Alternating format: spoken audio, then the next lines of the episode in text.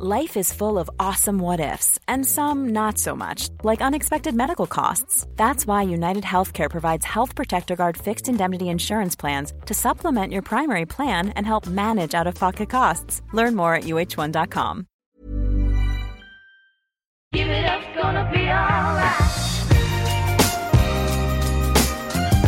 Der er det, vet du. Der er en ny uke, ny episode. Eh, Jeg syns, som alltid, at det er helt konge at du er i andre enden av mikrofonen. Det er, eh, det er innmari stas, det er innmari stas at jeg får mye, mye tilbakemelding på episoden jeg spiller inn. Ikke fordi at jeg i utgangspunktet elsker den anerkjennelsen og oppmerksomheten, men fordi at jeg er lærer, og jeg kommer i kontakt med mange folk som har dyktige perspektiver. Og så får jeg også tilbakemelding på hvordan jeg gjør det selv, da. Etter sist episode med Tom Nordli så fikk jeg tilbakemelding om at jeg tok litt for mye plass.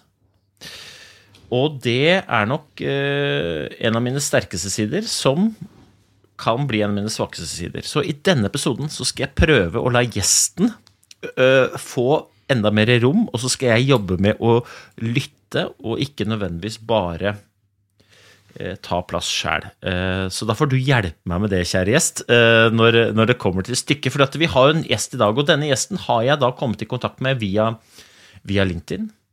Eh, han er noe så fancy som forretningsutvikler. Personlig vet jeg ikke helt hva det er. Men fra det han legger ut på LinkedIn, så har jeg fryktelig lyst til å prate med han i konteksten som vi har pratet om mange ganger i denne podkasten, vi, vi må øve for å bli bedre. Men vi har ingen naturlig arena for det, verken på jobb eller kanskje til og med ikke i hverdagslivet. Eh, og dette er det gjesten eh, jobber med. Og gjesten, det er da ingen ringere enn deg, da, Lars Kristian Larsen. Velkommen skal du være. Tusen takk for det. Tusen takk. Det er eh, helt konge at du blir med, da. Og eh, for å bare sette ramma litt, kan ikke du fortelle én, hvem er Lars Kristian Larsen? Eh, og to, hva er en forretningsutvikler? Hva, hva betyr det? Eh, ja, det skal jeg prøve på. Altså, først og fremst eh, ja, Jeg heter jo da Lars. Jeg er eh, pappa til eh, Martin og Petter, og så bor jeg i Hole, rett utafor Hønefoss. Er gift med Karoline, så det er liksom det personlige tingene. Um, og ja, forretningsutvikler Altså, jeg pleier å kalle det potet, jeg. Altså, på jobben så har jeg potet, for jeg gjør mye rart. Uh, men sånn veldig konkret, det jeg liksom jobber med nå, det er jo å utvikle uh, team og, og jo, på en måte se om vi også skal liksom bygge en tjeneste ut av det her som vi skal kunne tilby markedet, f.eks. seinere. Både internt, men også eksternt. da. Så en forretningsutvikler det kan være en som skal utvikle måten man jobber med salg på. Det, det kan være en som jobber med utvikling av hvordan eh, kommunikasjonen i et team fungerer eh, mellom avdelinger. Altså, så det er egentlig kanskje en som eh, pirker borti eh, ting som skal eh, rettes opp litt på. Da. Eh, et eller annet sånt. Ja, Så- og, og dette gjør du i Skipsted? Dette gjør jeg i Skipsted, ja. Det er riktig. Men eh, hører jeg deg rett som at du jobber mest med menneskene, og utvikler menneskene, eller jobber du like mye med mekanismene og tjenestene? Eller er det to sider av samme sak? Ja, Det er et godt spørsmål. Altså, jeg er jo mest opptatt av folk, merker jeg. Altså, for det er det jeg syns er spennende og morsomt. Men så handler det om, eller det jeg har erfart, da, er jo at du må sette det i system. Så eh, sånn som det som vi kommer til å snakke mer om seinere, er jo at vi, vi har jo f.eks. jobba med å sette teamutvikling i system og leve det uke etter uke. Eh, Og da er det jo snakk om å utvikle folka og liksom lage et system hvor vi gjorde det. Eh, Men så handler det også om nå å kunne bygge f.eks. en, en plattform hvor vi putter alt det vi har lært, inn i en plattform, da, for eksempel. Og da er det mer sånn tekniske ting som, som må på plass, da. Så, så det er liksom begge deler, ja. Ja, ok. Ja, ok. Nei, men da sånn Du heter Lars, du jobber med å utvikle folk eh, som utvikler tjenester i Schibsted. Og disse tjenestene, de, eller på en måte det du utvikler, er både internt, men også kanskje på sikt, eh, kan brukes eksternt. Men så Ja. det, å det å utvikle team, da, det å utvikle utvikle bedrifter, det å utvikle kulturen, det å utvikle ferdigheter, det er jo noe som eh, er veldig relevant for absolutt alle, men det er jo ikke alle som har eh, enten tilgang på en ekstern forretningsutvikler, eller har den ressursen internt. Men hvordan er det man For å begynne der, da, hvordan er det man angriper noe sånt noe? Ja, Det òg er et veldig godt spørsmål. Altså, Vi i vårt, vår avdeling vi begynte jo med det sjøl fordi at vi var på et litt dårlig sted. Uh, Vi, vi hadde vært gjennom en omorganisering. Eh, Det var konflikt, det var flinke folk som slutta. Så det var, liksom sånn, det var rett og slett dårlig stemning. Så, så vi begynte jo bare å tenke at ok, her er det et potensial som vi må uh, ta ut. Uh, og så Jeg har jo en organisasjonspsykologibakgrunn, da. Så, så det er klart at jeg er jo litt farga av at jeg var veldig sånn fokusert på det. Så, men vi begynte jo da egentlig med å bare eh, finne ut at ok, vi har et potensial vi ønsker å ta ut. Eh, dette her kan være en måte å gjøre det på. Eh, og så var det jo å diskutere med de andre i teamet om skal vi liksom Skal vi gå all in på det her og, og, og liksom virkelig jobbe med utvikling og sette system og gjøre det over tid? Og leve det, da. For det er liksom, tilbake til det jeg føler mange gjør, er at man jeg pleier å kalle det litt sånn flåste at man snakker om at trening er viktig, og så kanskje kjøper du deg tilgang til treningssenter, og så snakker du om at ja, det er viktig å gjøre det og alt sånn, men så, så er man ikke der uke etter uke, da. Eh, og bygger muskler, på en måte. Eh, så, det er liksom den, den tilnærmingen vi har hatt. da. Så vi, vi fant ut at ok, vi skal gjøre det. Vi setter oss noen mål. Eh, vi blir enige om tid vi skal investere i det. Og så fant vi ut av hva er det vi må bli bedre på, og så var det litt sånn, og så må vi begynne å øve. Og klippe og lime og teste og feile og eh, gå litt på YouTube, lese fagbøker, eh, snakke med folk. Og så, og så er det den, den måten vi kom i gang, da. Og Gi et eksempel på sånn type mål. da. Altså, ok, jeg, eh, jeg leder en bedrift. Fader, det der, jeg tenker sånn, det der hadde sikkert vært uh, fornuftig for oss å, å, å bli, forsterke noe som vi er gode på. Eh, liksom, mm. Det trenger ikke nødvendigvis være at vi er dårlige på det utgangspunktet, men sånn, jeg har lyst til å forsterke våre sterke egenskaper. Eller få ut potensialet, sånn som du sier. Da. måte. Hva, kan, hva, hva er et sånt Gi et eksempel på et mål. Vi, vi valgte jo å se på Ok, vi må Vi hadde jo Vi har et sånt målsystem som heter OKRs. Og jeg kan vel ikke ja, Det er Objective and Key, key Results. Altså den det, det, målstyring. Da. Der, vi gikk inn og så der. Hva, hvor, er det hvor er det det ikke er helt på topp? Og så gikk vi og så litt i eh, arbeidsmiljøundersøkelsen. Er det noen områder der som ikke eh, er bra nok? Og da er det jo sånn typisk feedback-kultur. Den, den var ikke bra nok, da. Så tenkte vi ok, men da, da er det én ting vi skal jobbe med. Og så titta vi litt i faglitteraturen, og så så vi at psykologisk trygghet Det er veldig sånn buzzword om dagen. Alle, alle er opptatt av det. Og så tenkte vi ok, hvis vi kan si at vi skal bli eh, Eller vi skal jobbe med psykologisk trygghet, for det, det fins det fag, eh, faglitteratur på, så vi skal liksom ikke bare synse noe, vi skal på en måte hente substans. Så sa vi at vi skal bli kjempegode på å jobbe med psykologisk trygghet, og vi skal bygge feedback-kultur, og så skal vi jobbe med selvledelse. For det også kom fram i undersøkelsen at der, der var vi ikke gode nok. Og så sa vi at og det skal vi bli best på i Skipsted.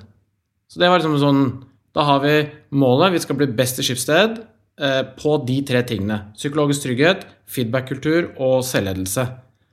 Eh, og så hadde vi jo selvfølgelig noe sånn at eh, hvis vi klarer det, så skal vi dra på tur og sånne ting. Eh, men det viktigste var på en måte da å bli enige om det.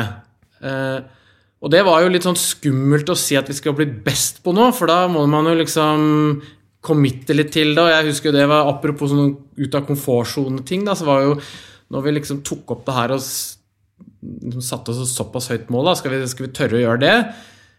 så legger du huet litt på blokka. Men det som var sånn kult da, var jo at da fikk jo også Når vi først sa det høyt, så fikk folk litt sånn Oi, shit, de mener såpass? Ja, men ok, ja, men da, da vil jeg være med, for det høres jo det høres ut som en reise som er spennende å være med på, da.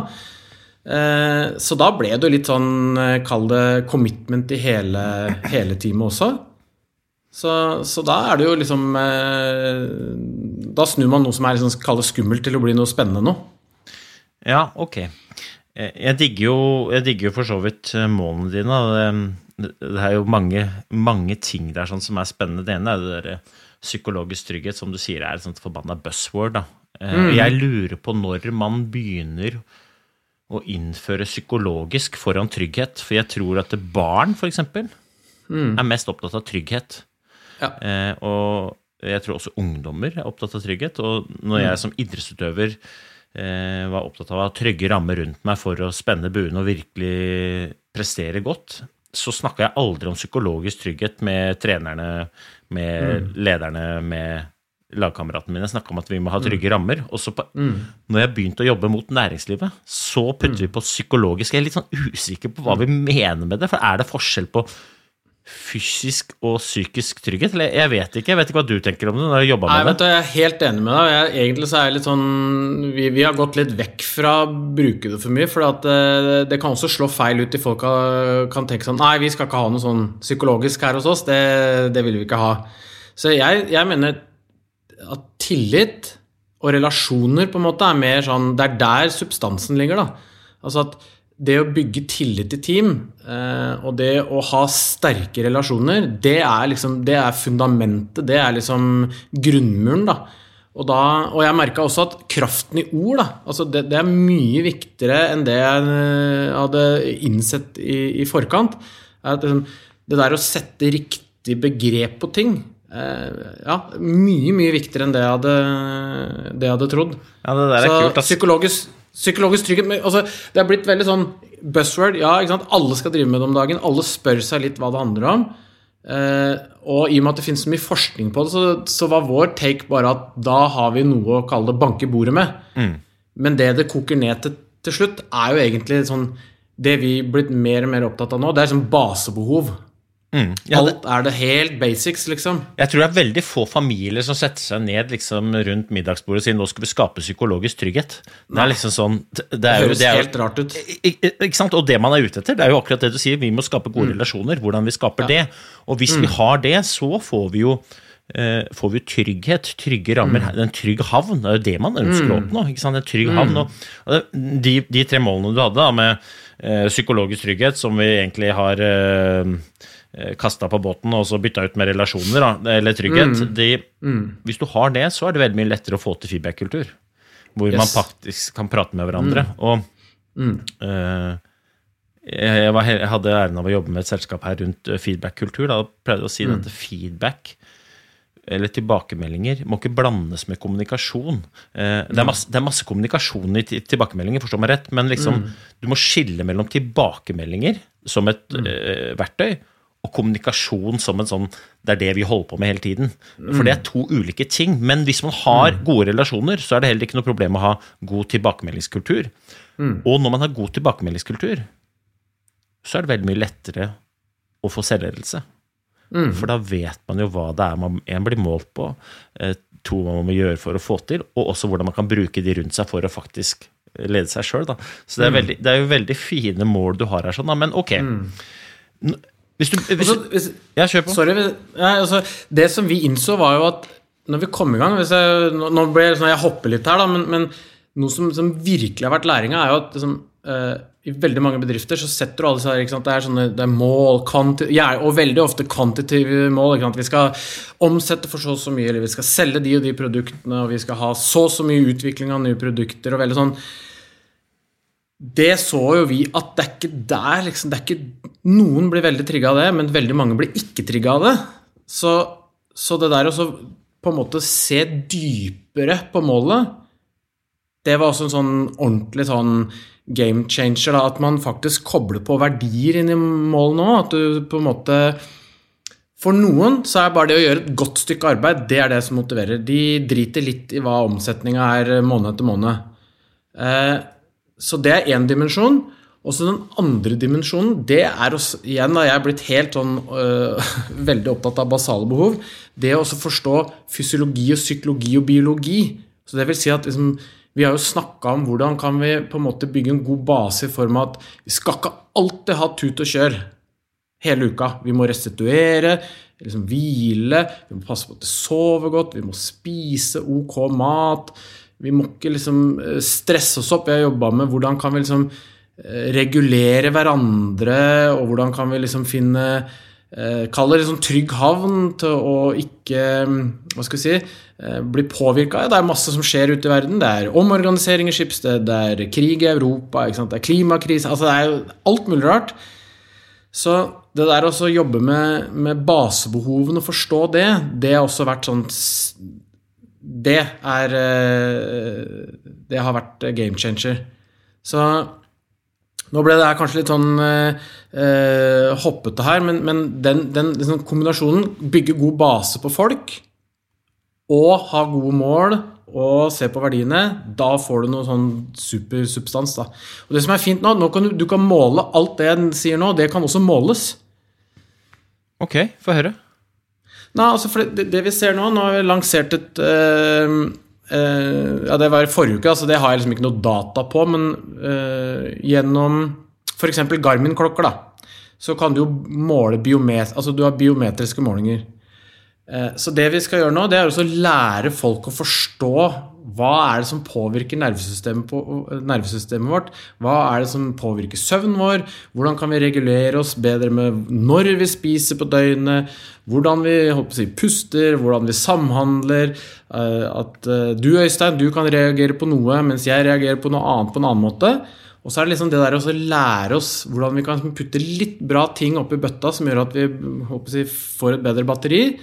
Og så ser jo vi nå at når folk er mer i vater gjennom dagen og uka, i tillegg til at vi alle vet hva vi skal gjøre, og målene våre, og liksom hva som er forventa og sånn, da er det liksom Det, det, er, ja, det er god grunnmur. Mm, og det her er jo utrolig spennende. Jeg jeg har snakka om det før, jeg kan fint snakke om det igjen. Det er forskjellen liksom på det flåsete utbrent, som veldig mange prater om, eh, som jeg ser på som sånn veldig sånn endelig og veldig lite å gjøre med, eh, mot det mer positive retta ut Lada, hvor en måte, løsningen ligger i, i ordet. Men alle vet at eh, alle vet at eh, hvis du er utlada, så er det bare én måte å begynne å fungere igjen på, det er å lade. Og så eh, er vi veldig flinke med mobilen, men vi er litt mindre bevisste når det kommer til oss sjøl. Og, og dette er jo på en måte det, det, Hvis vi sier at psykologisk trygghet er et buzzword, så er work-life balance akkurat det samme. Det er jo noe vi prater om, men som vi skulle ønske at vi var flinkere til å få til. Men, men det hjelper jo ikke, for du tapper batteriene dine litt hele tiden. Og hvis batteriene dine er dårlige, så vil du jo prestere dårligere på alle områder, også på jobb. Mm. Eh, Og det er jo, her tror jeg det er viktig for, for bedriften også anerkjenne det, at den viktigste, viktigste ressursen til hvilken som helst bedrift, det er jo folka. Ja. Og hvis du har folk som kommer inn på jobb med dårlig batteri, så er jeg ganske trygg på at eh, i hvert fall på sikt så vil effekten som eh, den eh, bedriften skaper, være dårligere enn hvis du Ja. sørger for at folka får lada batteriene. Men dette er jo vanskelig da, i den derre ja, i den der krevende hverdagen som du, som du beskriver, og hvor på en måte, hamsterhjulet går, hvor vi er lært opp til å bare på en måte, justere, akseptere, tilpasse oss, og ikke til å ta rom til å få til eh, eh, For, for du, du eh, Det du jobber med, forretningsutvikling, sånn som, hvert fall sånn som du prater, så høres det ut som om du bygger opp folk, ikke nødvendigvis eh, har fokus på forretninga i seg selv. Men det ene vil jo påvirke det andre. Eh, Ja. Men, men, men hva, hva møter du, da? Hva, hva er på en måte Hva er største motstanden du møter når du sier at ok, nå skal vi begynne for eksempel, da, å trekke søvn? Nå skal du begynne med å trekke søvn, liksom. Eh, Eller nå skal vi se hva er det du reagerer på. Vi skal bruke pulsvariasjonen din eh, til å sjekke hva er det som du blir stressa av. Hva er det du møter av eh, utfordringer eller motstand, eller hvordan, hvordan på en måte Én, hvordan angriper du det? Hvor, to, hvordan angriper de du skal jobbe med, eh, oppgaven? Jeg kan jo begynne med, for Der jeg møtte mest motstand, var jo når vi f.eks. Og det er, det er jo eh, Jeg kom jo med et eh, forslag til min leder, og så tok eh, min leder og jeg det ut til teamet når vi skulle jobbe med det som prestasjonsutvikling eller teamutvikling. da. Den største innvendelsen da var jo tid. For folk som du har snakka om mange ganger i, i podkasten din også? Det der vi er opptatt med å være opptatt, vi har så mye to do og sånt. Det, alle har jo det. Så det at folk skulle sette av tid til å drive med to do, den, eh, den var det stor eh, altså, Eller den måtte vi liksom jobbe oss igjennom. Eh, og så er det da alltid interessant at de som kanskje hadde mest motstand mot å jobbe med dette her, det var jo de som kanskje trengte det mest, da, som hadde var veldig opptatt med å være opptatt. Eh, og jeg er jo litt sånn at det handler ikke om å jobbe hardere, men å jobbe smartere. Vi, vi, har jo, vi har jo hatt mer kalde pauser i hverdagen. Vært ute i skogen, vært ute på stranda, vi har vært ute i parker, vi har vært på hyttetur. Det er, og det er ikke at vi må reise bort. Eh, vi har også gjort mye på bygget i Skipsvedbygget, men vi har på en måte hatt pauser hvor vi har tatt oss tid til å sitte og tenke gjennom hva skal vi gjøre for å bli bedre. Da, ikke sant? Eh, så det er det. Og Når det kommer til sånn trekking av søvn og, og det å putte på folk uh, ulike måler og sånn, det er jo 100 frivillig. For jeg husker Første gang jeg nevnte dette her for teamet, så var det litt sånn ah, det blir litt for invaderende og sånn. Og det er helt fine. Men, men, det jeg gjorde nå, var å invitere til at alle i hele Skipsted som vil, kan være med. Og da er det jo 100 frivillig, da. Og da, da, er det noe helt annet. Da, da er det jo de som vil, som blir med. Og så ser jeg jo da at eh, da kommer nysgjerrigheten fra andre. fordi plutselig så blir snakken sånn Herregud, jeg visste ikke at eh, det hadde så mye å si for eh, søvnen min at jeg spiste på kvelden, f.eks. Det, det skal jeg slutte med, for nå ser jeg at det påvirker mye. Og så, og så ser man jo ofte at når folk får mer energi, så blir jo folk Oi, her, det var jo en av tilbakemeldingene vi fikk fra vår, vårt team. er jo det at Plutselig så var det så mye energi, og folk er blide og glade, og det kommer gode resultater. Og alt sånt. Og da blir folk sånn Hva, hva er det de der, der driver med? Hva, hva er det? Det, der er, det, det er vi nysgjerrige på. Uh, og da kommer folk de Skeptikerne kommer liksom litt etterpå, da, ikke sant? og da, da kan de bli med òg, på en måte. Så jeg tror liksom man må gå sånn sakte, men sikkert gradvis, da. Ja, det der er spennende. Det er jo um, uh, F.eks. dette med søvn, da, eller f.eks. Mm. dette med å trekke stress, det er jo noe som mm. på en måte i utgangspunktet burde være veldig eh,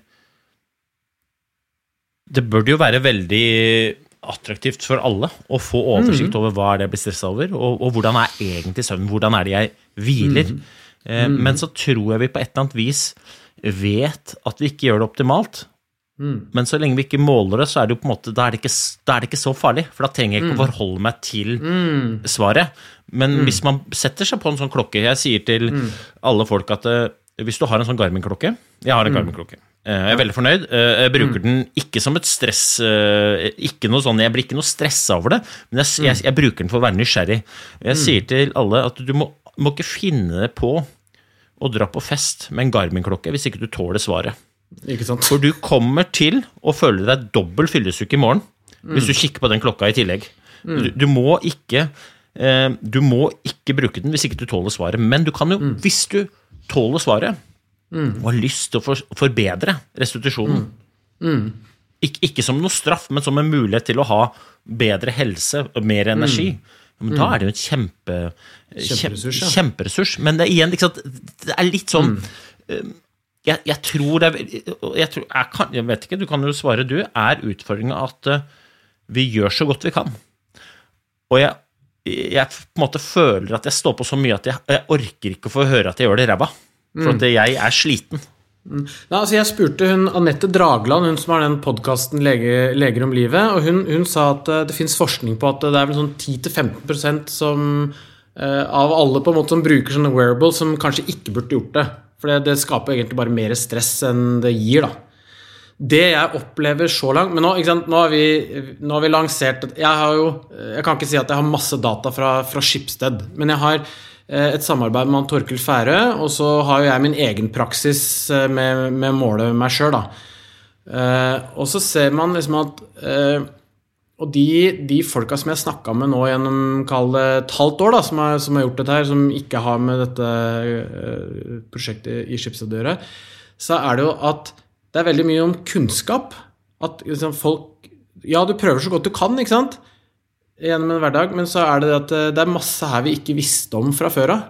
Som når du etter hvert nå, nå finnes det masse informasjon om hvordan man kan regulere dette her, så blir, er det enklere å sånn derre Sånn som mat eh, før legging, da, f.eks. Det er sånn eh, vi er jo alle oppdratt, eller i hvert fall jeg er oppdratt av at du må spise skikkelig kveldsmat før du legger deg, liksom. Eh, det er jo sånn som jeg ikke gjør lenger nå, for jeg ser at det påvirker søvnen min i veldig stor grad. Mm. Så det handler egentlig bare om kunnskap, og så er det det at det å gjøre sånne, mange sånne små, smarte ting, da, det, det gjør stor forskjell over tid.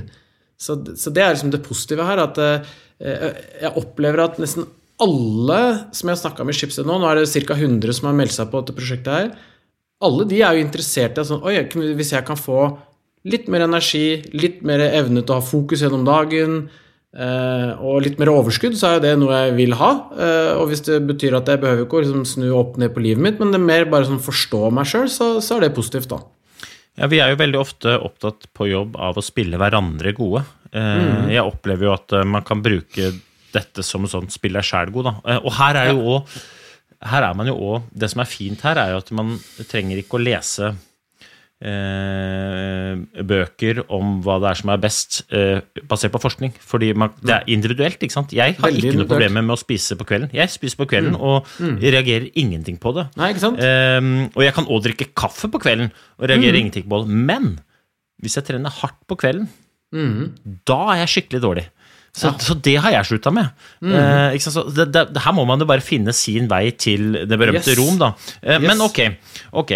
Um, uh, du skal liksom Dere jobber med å, å, å, å få folk til å, å utvikle seg selv. Uh, Flåse mm. eller ikke, være seg selv på sitt beste, eller i hvert fall mm. bedre. Mm.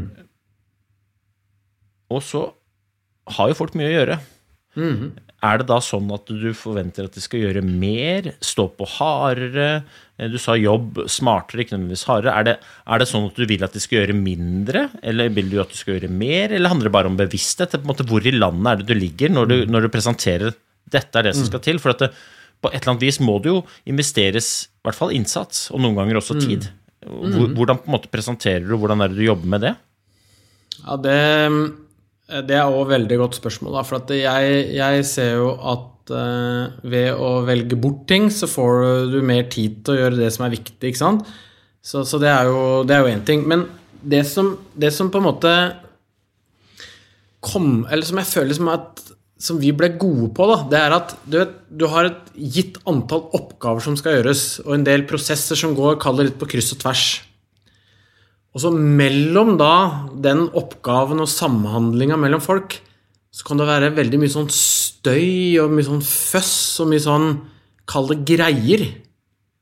Så hvis du får trimma bort det ved å bare snakke sammen, forventningsstyre, feedback, alt det der, så plutselig så blir liksom de arbeidsstrømmene mye mer sånn strømlinjeforma.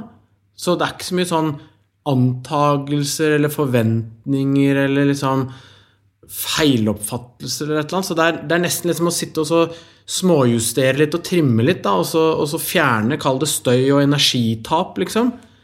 Eh, og på den måten så Ja, kall det å smøre maskineriet, da. Så, så, går det liksom enklere og kjappere. Så jeg vil jo si at nei, dette her skal jo virkelig ikke være noe du skal på en måte legge på toppen av, som gjør at det egentlig bare blir hassle. Eh, snarere tvert imot.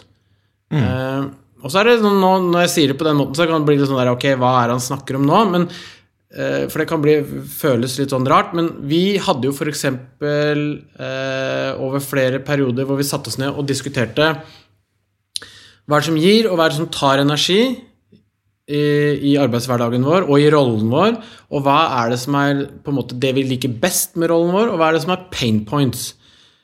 Eller ting vi ikke liker, da. Og så kall det, så kunne vi brekke opp en eh, stillingsbeskrivelse eller en rolle, og så se litt på hvilke, hvilke ting er det som man har her. Og så kan det være sånne helt basics ting som at sånn at én kunne ha en, i, i, rollen sin at han skulle stå på stand, da, hvis du skulle ha kundearrangementer eller uh, skulle ut og implementere noe som kunde og sånn. Noe som trakk enormt mye energi av den personen. Og så sier han det høyt, og så sier den andre over bordet sånn åh, jeg trodde du elska det. Så bare Nei, nei, jeg, jeg syns det er helt pyton. Så bare Men jeg elsker det! Jeg gjør det aldri, da kan jeg gjøre det. Så bare ok, da gjør du det. Ikke sant? Og da er det noe med at da sitter det to personer som Den ene suges tom for energi av å gjøre det, den andre får ikke gjort det og syns det er et tap. Og så ser man at da blir det vinn-vinn. Og sånn tror jeg det fins mye av det. At vi sitter liksom og tror at ja, men han har det i stillingsbeskrivelsen, eller han har det i rollen sin, så da må han gjøre det, og hun har det, og sånn.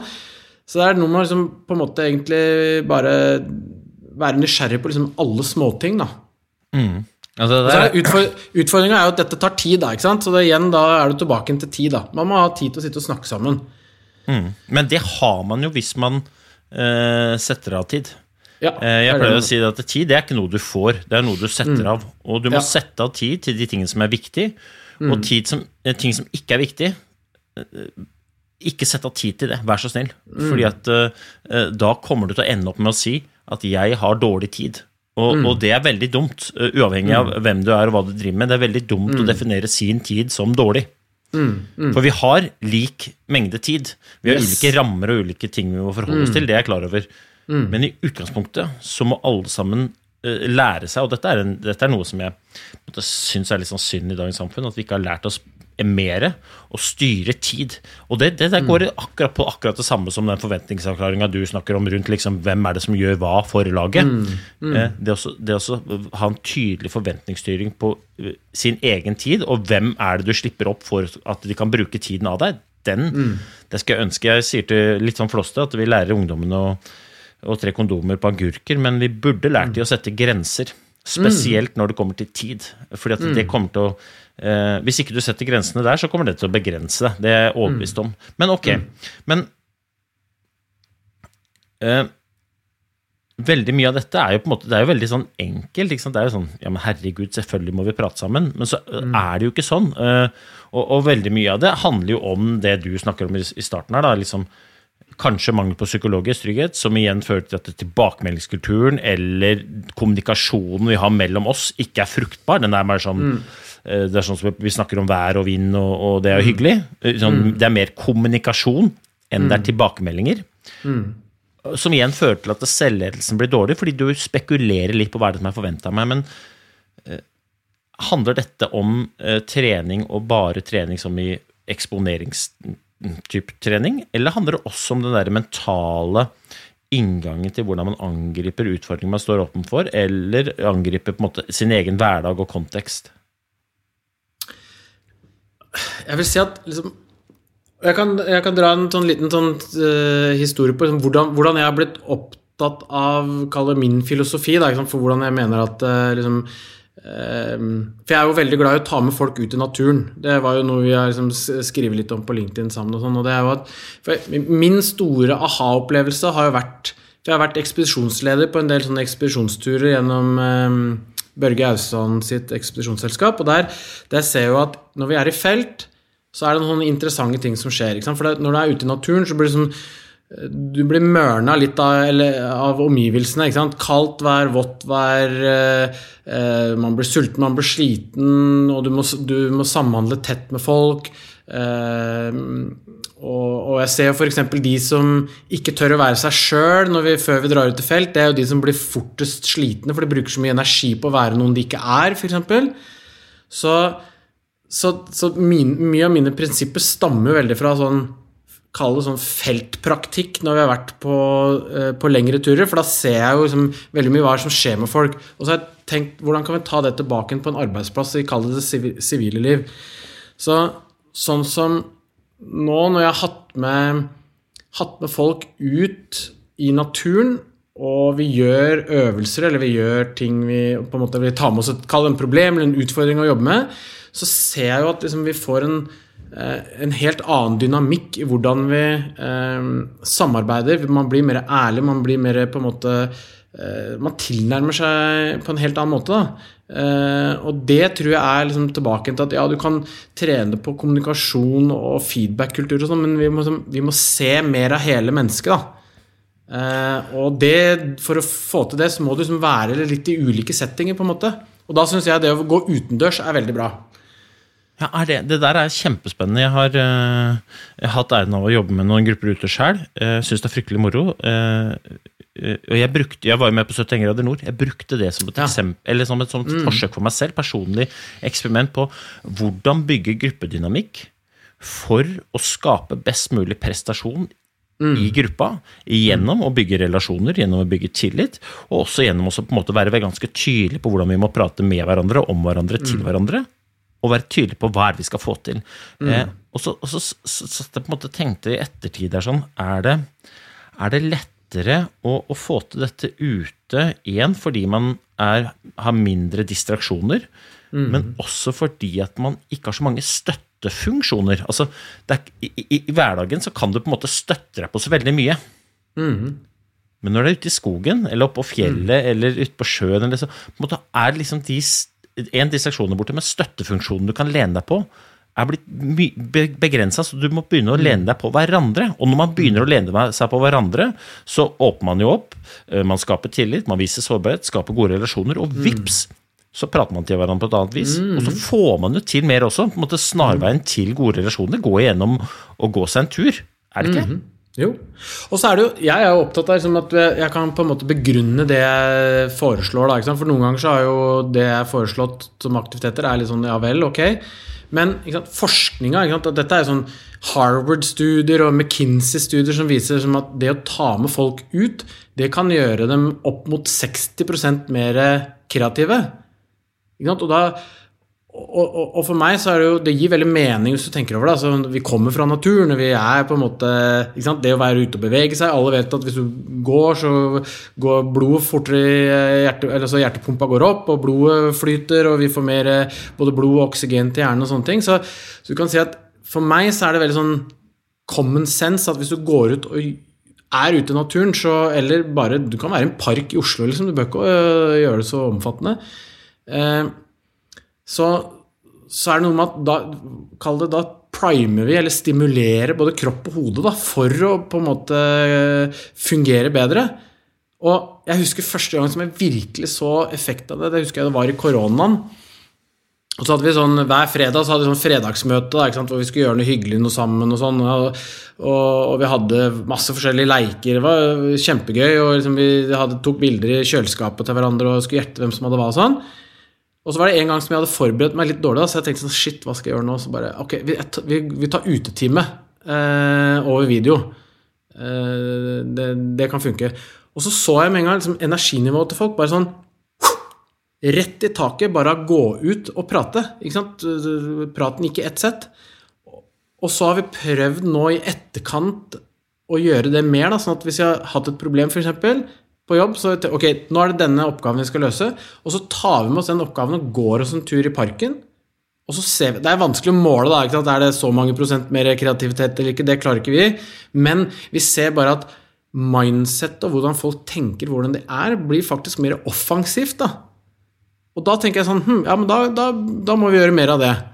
Så istedenfor å sitte inne med Post-It-lapper, så tok vi med oss telefonen ut, og så brukte vi ta- båndopptakeren på telefonen, og så har vi liksom eh, løst problemet, sagt inn på båndopptakeren, så skriver vi det når vi kommer hjem. Ja, så ser er- vi at folk er mer offensive og mer på, da. Det kan jeg kjenne meg igjen i. Da. Det, det der, jeg, jeg tror det der dreier seg om at med en gang man går ut, så får man mindre distraksjoner. Det er mindre ting som skjer rundt. Og hva er det som skjer da? Jo, da senker på en måte hjernebølgeaktiviteten seg. Altså du blir roligere mellom øra. Og så når du i tillegg gjør noe fysisk, eh, så gir jo det overskudd. Ja. Og når er det man eh, For å være kreativ, så må man ha ro til å være kreativ, og energi til å være det også. Yes. Og det, da får du jo to, to ting som på en måte Ja. kobler altså, eh, De som følger meg på LinkedIn, de vet at jeg stort sett skyter videoer fra hofta ute i skauen. Og så Mm. har jeg kritiske røster som sier sånn Det der tror jeg ikke noe på, for Mm. dette har du skrevet ned, og så har du tenkt, og så tjo hei. Mm. Så jeg, nei. Fordi at når jeg er hjemme, så skjer det så mye greier at jeg klarer ikke dette. Jeg løser mine utfordringer, og også er mest kreativ når jeg er ute og Mm. jogger. Og så kan det godt hende at jeg hører noe smart mens jeg er ute og jogger, og så Mm. spinner jeg videre på det. Men jeg må jo skape en arena hvor jeg klarer å få uh, kreativiteten på et Mm. nivå som er uh, nyttende.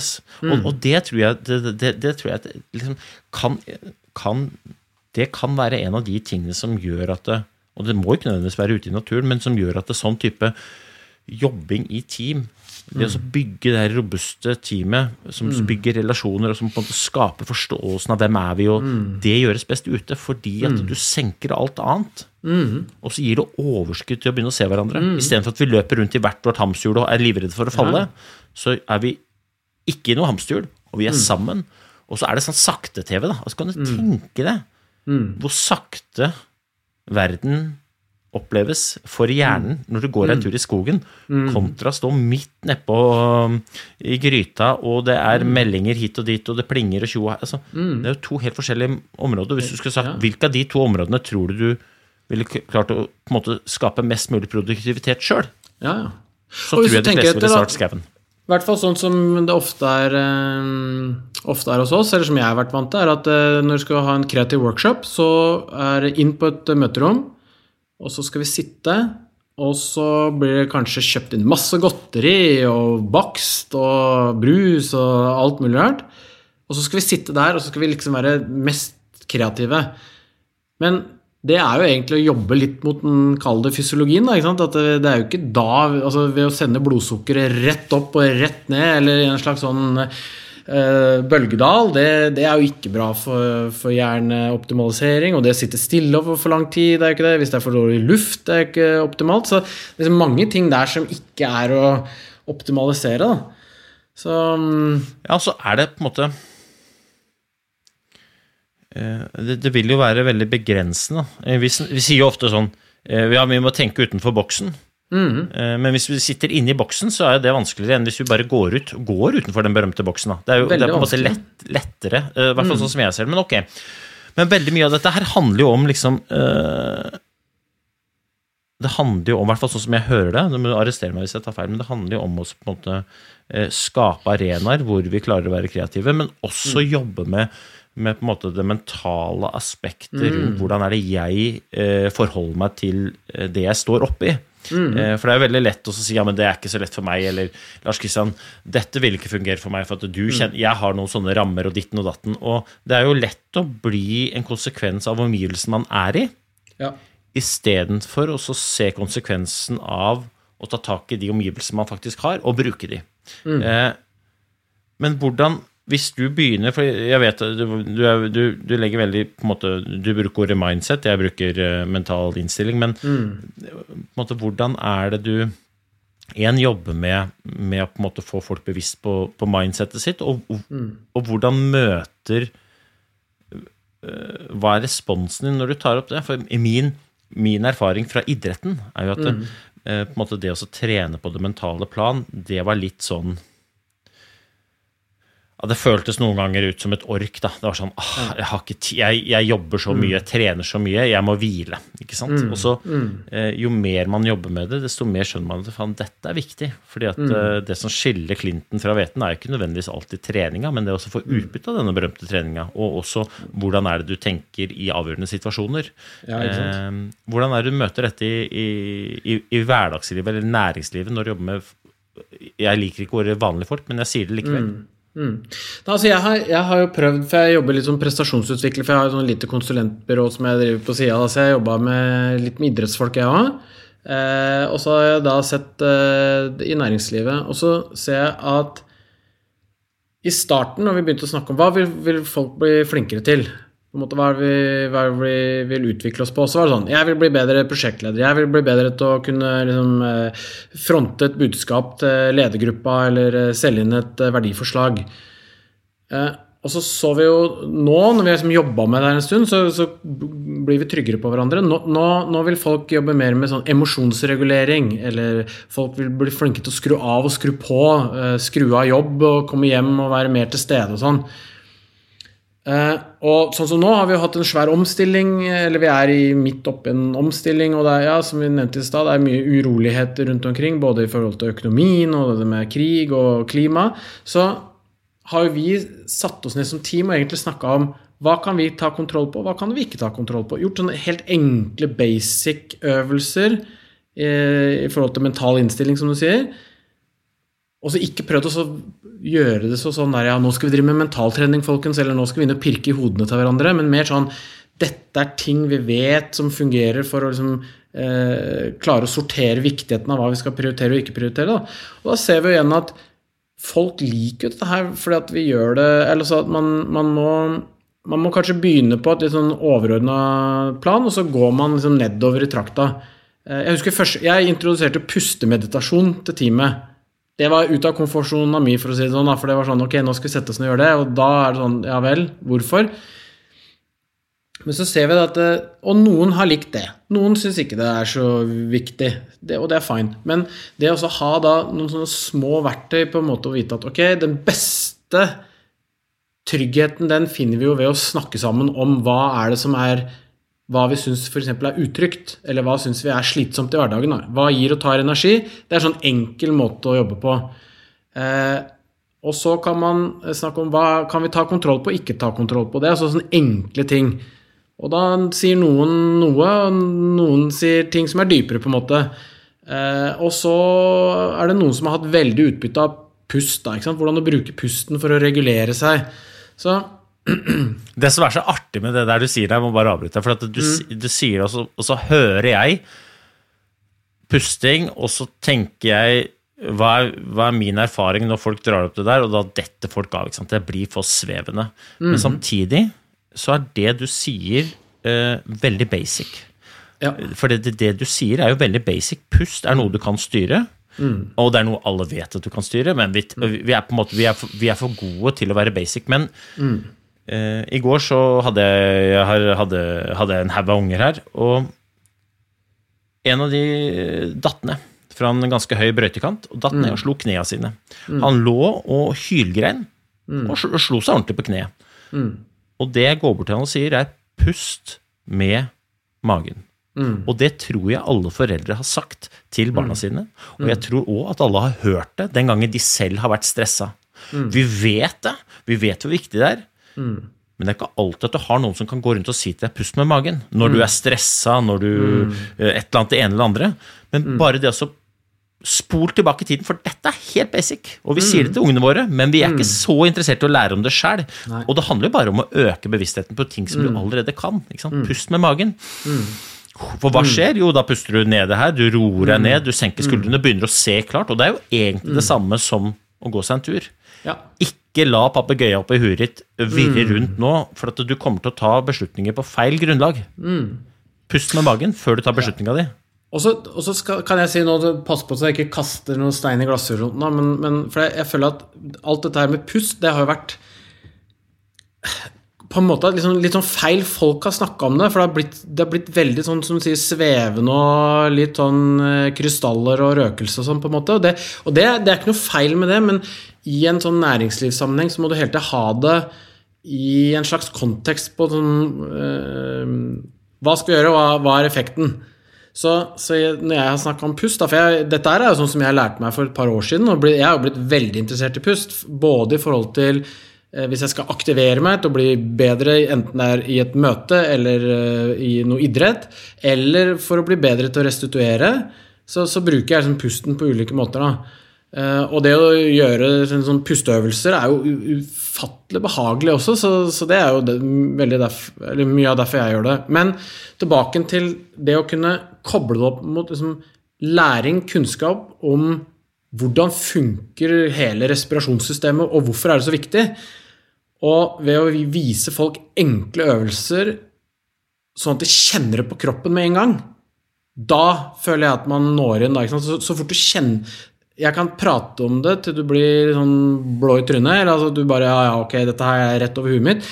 Men hvis jeg kan få folk til å føle det på kroppen, da har jeg dem på en måte mye mer eh, Eller har jeg oppmerksomheten deres med, da. Så, og, og Senest i forrige uke så hadde jeg, en, da hadde jeg et eksternt foredrag da, med, med med en bedrift hvor jeg kjørte Da hadde de hatt en lang dag på et sånt seminarhotell.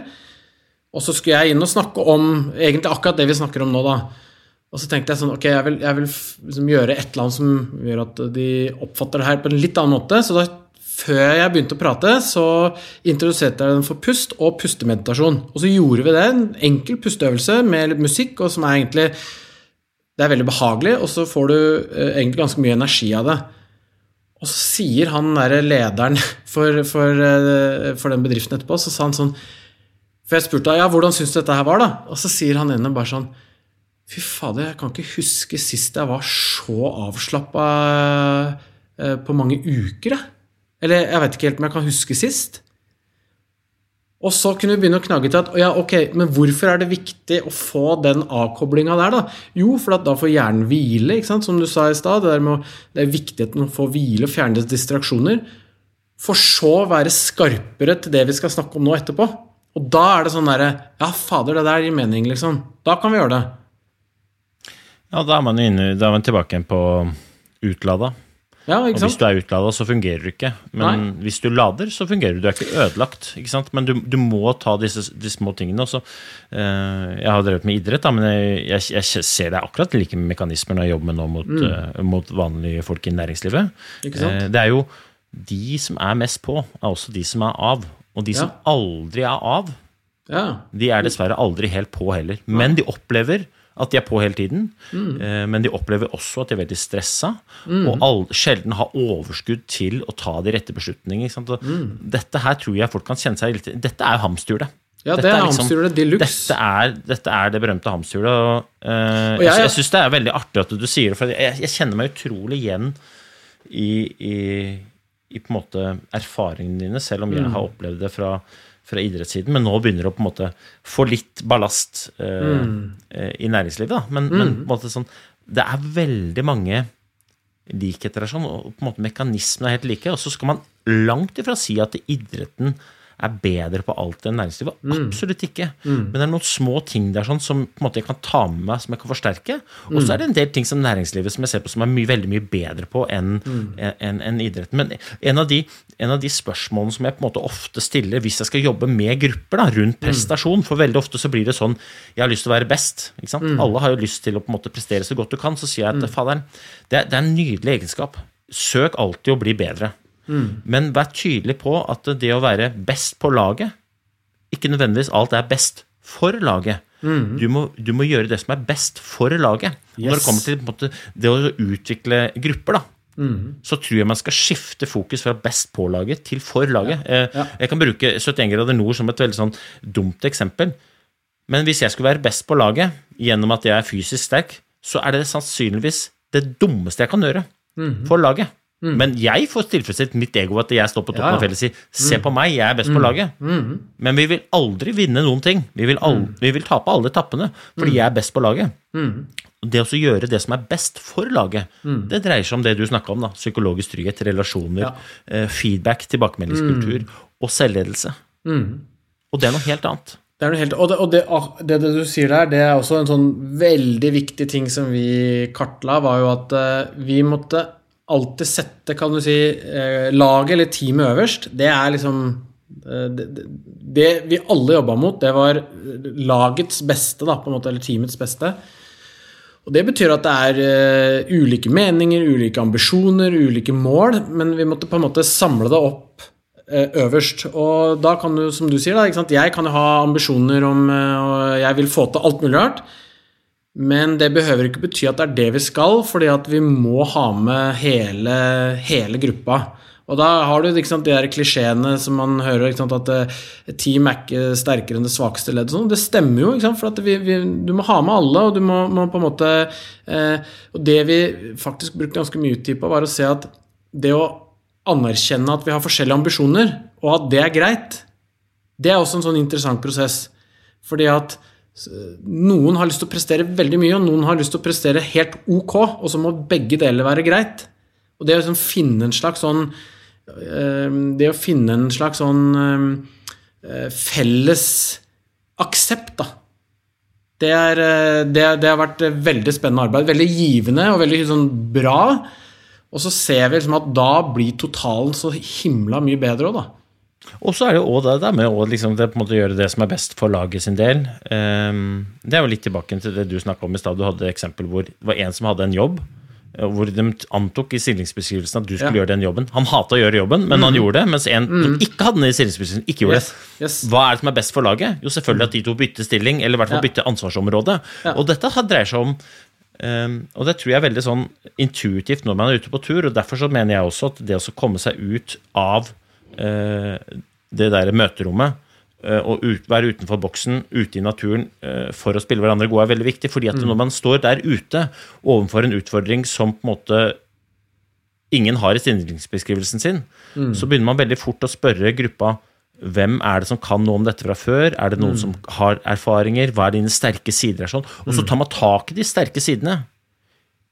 Det er ingen som antar noen ting da. Liksom, Ok, er det noen som har padla i kajakk før? Ja. Eller nå skal vi rappellere, er det noen som kan sikre? Og det er ikke noe sånn ja, vi bare antar at du kan det. Vi spør hverandre, vi, da prater vi sammen på et helt annet eh, på en måte, nivå. Da. Så, um, ja, det Og så er det sånn at det- spennende. Ja, og så er det det der å kunne stille spørsmål Er det noen som har lyst til å gjøre det her? Er det noen som har lyst til å bli bedre på dette her i, i laget, som kanskje ikke gjør det i dag? da? For at En sånn veldig sånn klassisk tilnærming føler jeg ofte er at eh, lederne skal gjøre alt. Og stakkars ledere de har jo, sant, de skal rapportere, og de skal utvikle, og de skal få resultater, og de skal ta ut nye strategier, og de skal lede omorganiseringer. Og så kommer det Altså, det, det, det er så mange initiativ som de skal ha, og til enhver tid liksom kalle det være eh, eksperter på, da. Og det skjønner jo alle at det går. Ikke? Det å være en mellomleder, det er jo en ekstrem eh, tøff eh, stilling, for du, ja, du skal ha en finger med i alt som skjer. Så for meg da, så er det også det der at når du da stiller spørsmål i team Er det noen som har lyst til å ha dette her som et utviklingsområde, så, så vær så god. Og da har jo vi sett at eh, Og jeg er ikke leder, bare sånn at det er sagt. Altså. Eh, men da ser vi at lederne for det første slipper å gjøre det sjøl.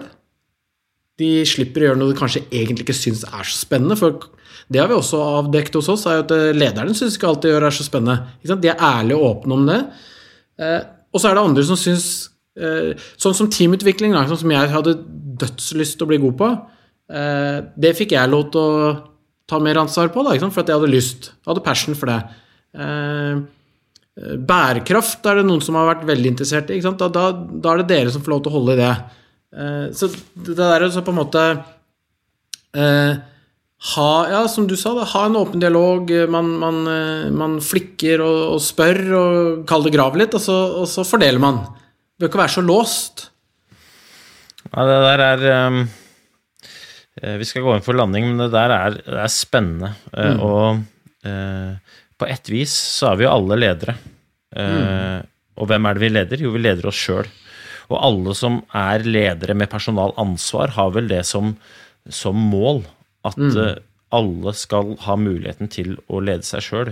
Og det å lede seg selv handler jo om veldig mye. Det handler ikke bare om å gjøre arbeidsoppgavene, men det handler også om å eh, ta seg tid til å koble av, ta seg tid til å lade opp, ta seg tid til å virkelig stå på når du er der, ta seg tid til å måte, kommunisere og på en måte få oversikt. Da, og Hvis jeg skal si noe om hva som skiller eh, de miljøene jeg har vært borti, som har vært best, mot de som har ikke vært så gode, så er det evnen til selvledelse i flokk. Rundt et felles mål, men hvor alle har et bevisst forhold til å gjøre så det beste for laget, og ikke være den beste på laget. Og, og, og eh, inngangen man på en måte angriper på, kan sikkert være like mange som det er folk, men jeg tror det på et eller annet vis må være det man søker, da. Eh, og hvordan man får til det, har i hvert fall du nå delt noen må si- erfaringer rundt. Si én ting også før jeg glemmer det. For det, det eh, Apropos på en måte sånn, sånn med forventninger og hva man antar at folk vil at det skal være. da så, så testa jeg her for litt siden hvor vi, vi dro på en samling hvor liksom intensjonen liksom var at nå skal vi virkelig eh, få til utvikling av teamet. Da? Det var intensjonen. Og så sa jeg at på den samlinga her så er det faktisk eh, Vi skal bare drikke ett glass vin til middag, og så skal vi ha leggetid. For liksom vi, skal være fokus på å være eh, Vi skal eh, kalle det prime og optimalisere, for at vi skal ikke være gode bare én dag, men vi skal være det over flere dager. da. Vi skal der um, Altså vi skal ha to fulle arbeidsdager, da. Og jeg har vært veldig mange ganger med på sånne ulike turer at du, du, er, du har masse energi dag én, og så er det middag og masse vin og kall det fest utover natta, og så dag to så er du helt Da kan du like godt sitte og se på TV og spise is. liksom, Du er helt ferdig, da. Eh, Og det er litt sånn ubehagelig å foreslå ikke sant? i første runde. For det er bare sånn åh, der kommer han der Lars som er tørrpinn, liksom. Tar fra oss festen og det hyggelige og det sosiale, og mange vil jo si ja, men det er jo da ikke sant? Det er jo da de gode ideene kommer opp og sånn. Eh, men tilbakemeldinga etterpå da ikke sant, var at vi dro, dro gjorde det her. Et glass vin til maten, og drakk det med andakt, og vi hadde leggetid og sånn. Så, så ser vi på feedbacken etterpå ikke sant, at da var det sånn Flere som sier jeg prioriterte faktisk å være med fordi eh, jeg visste at det ikke ble alkohol der. Eh, Jeg er småbarnsmor-far. eh, Orker ikke liksom full fest, for jeg har nok med å henge i selene som det er. Og, og flere som rapporterte at jeg kom hjem og følte meg liksom refreshed. Jeg hadde energi. Jeg hadde liksom, og, og det var ikke sånn at vi fikk masse energi første dagen, og så sendte vi den rett i kjelleren dag to. Så, så det der med at ja, det var ubehagelig å foreslå det i første runde, og så litt sånn rart med en gang han kom dit, bare ok, hva gjør, hva, hva gjør vi nå når vi ikke har noe å drikke på, liksom? Eh, Det, det gikk veldig, veldig enkelt. Men det er jo noe man antar og tror at folk skal ha, for sånn har vi alltid gjort det før. Så bare det å liksom ta bort en sånn liten ting som å si at vi skal ikke sitte og pjalle hele natta, det ga en vanvittig stor forskjell. Og det er ganske interessant, syns jeg. Ja, da er man jo inne på hva er eh, Hva, hva gjør du for å lade? Ja. Uh, og det er veldig uh, Jeg snakka jo litt i stad om at det er en del ting idrettsutøvere kanskje er bedre på enn næringslivet. Ikke alt, langt derifra, men en av de er hvile. Og, og, og hvile gjør man jo for å lade opp, eh, og for å kunne være på.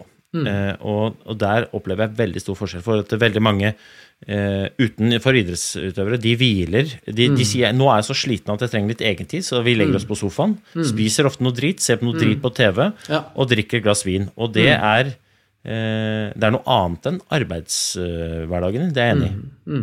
Men for kroppen og for hodet er det ikke hvile. Jeg har selv vært utenfor hjerneblødning. Det å se på en skjerm, det er ikke noe hjernen opplever som hvile. Uh, og, og det er da ironisk at eh, du sier da, eller på en måte, men også symptomatisk for samfunnet, at du sier at det er litt ubehagelig å foreslå noe som er bra for Ja. eh, individet. Skal, i, i, I dag skal vi, vi skal på en samling, og vi skal jobbe hardt, og vi skal legge forholdene til rette for at du skal få sovet ganske godt eh, og lenge, så du våkner opp frisk i morgen. Og at det i utgangspunktet føles som ubehagelig. Ja. Det sier alt Ja. om uh, hva, uh, hva vi pleier å gjøre, og litt sånn hvor forskrudd uh, på en måte det har blitt. da. Jeg er Eh, helt så enig. Er helt Det, er, det, er veldig, det er veldig hyggelig. Vet du, dette kunne vi prata lenge om, eh, Mm. Lars Kristian. Det har vært en ære at du, du deler eh, tankene dine. Jeg, eh, jeg syns det er fryktelig moro. Jeg, jeg vet ikke om det er fordi at jeg Jeg har skrevet et par bøker. Mm.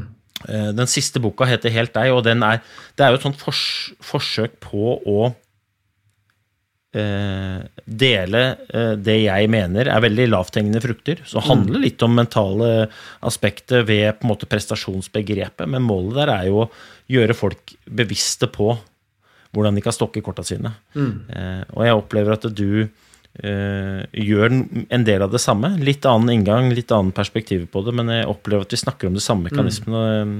Utrolig spennende. Eh, jeg håper at eh, mange lytter, og jeg håper at folk eh, engasjerer seg eh, og, sender oss tilbakemelding. For at, eh, jeg er helt sikker på at det er mange som ønsker at de var flinke til dette. eh, Men det er stor forskjell på et ønske og det å faktisk gjøre det som skal til for å få til. Så mm, det har vært helt konge å ha deg her, eh, Lars Kristian. Ja, det har vært helt konge å sitte og prate her, så tusen takk for at jeg fikk komme. Det var en ære. Um, moro. Og til um, alle andre som sitter og lytter, nå er det ferdig. Uh, jeg anbefaler at du stopper opp og reflekterer litt. Litt rundt det Lars Kristian har sagt. Og, og finn dine svar, da. Finn dine svar. eh, om det er på Garmin-klokka di, eller om det er på noe helt annet. Finn dine svar, for at eh, vi sitter ikke på løsningen. Eh, Men vi, kan, vi har stilt deg noen gode spørsmål, og vi har forhåpentligvis skapt en arena hvor du kan reflektere litt. Og effekten er, er først til stede når du én finner svarene og begynner å gjøre det svarene krever. Ehm, Vi lar det være med det. Lag en strålende dag videre. Ta vare på deg sjæl og se de rundt deg. Og så håper jeg vi ses igjen, for at eh, vi syns det er helt konge å lage dette. Så takk skal dere ha. Tjo!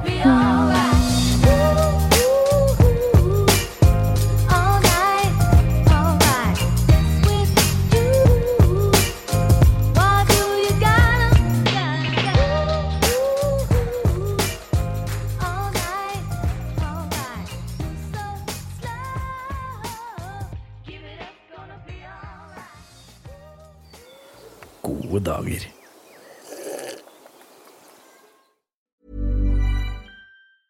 Planning for your next trip? Elevate your travel style with Quince. Quince has all the jet setting essentials you'll want for your next getaway, like European linen, premium luggage options, buttery soft Italian leather bags, and so much more. and is all priced at 50 to 80% less than similar brands. Plus, Quince only works with factories that use safe and ethical manufacturing practices. Pack your bags with high-quality essentials you'll be wearing for vacations to come with Quince. Go to quince.com/pack for free shipping and 365-day returns.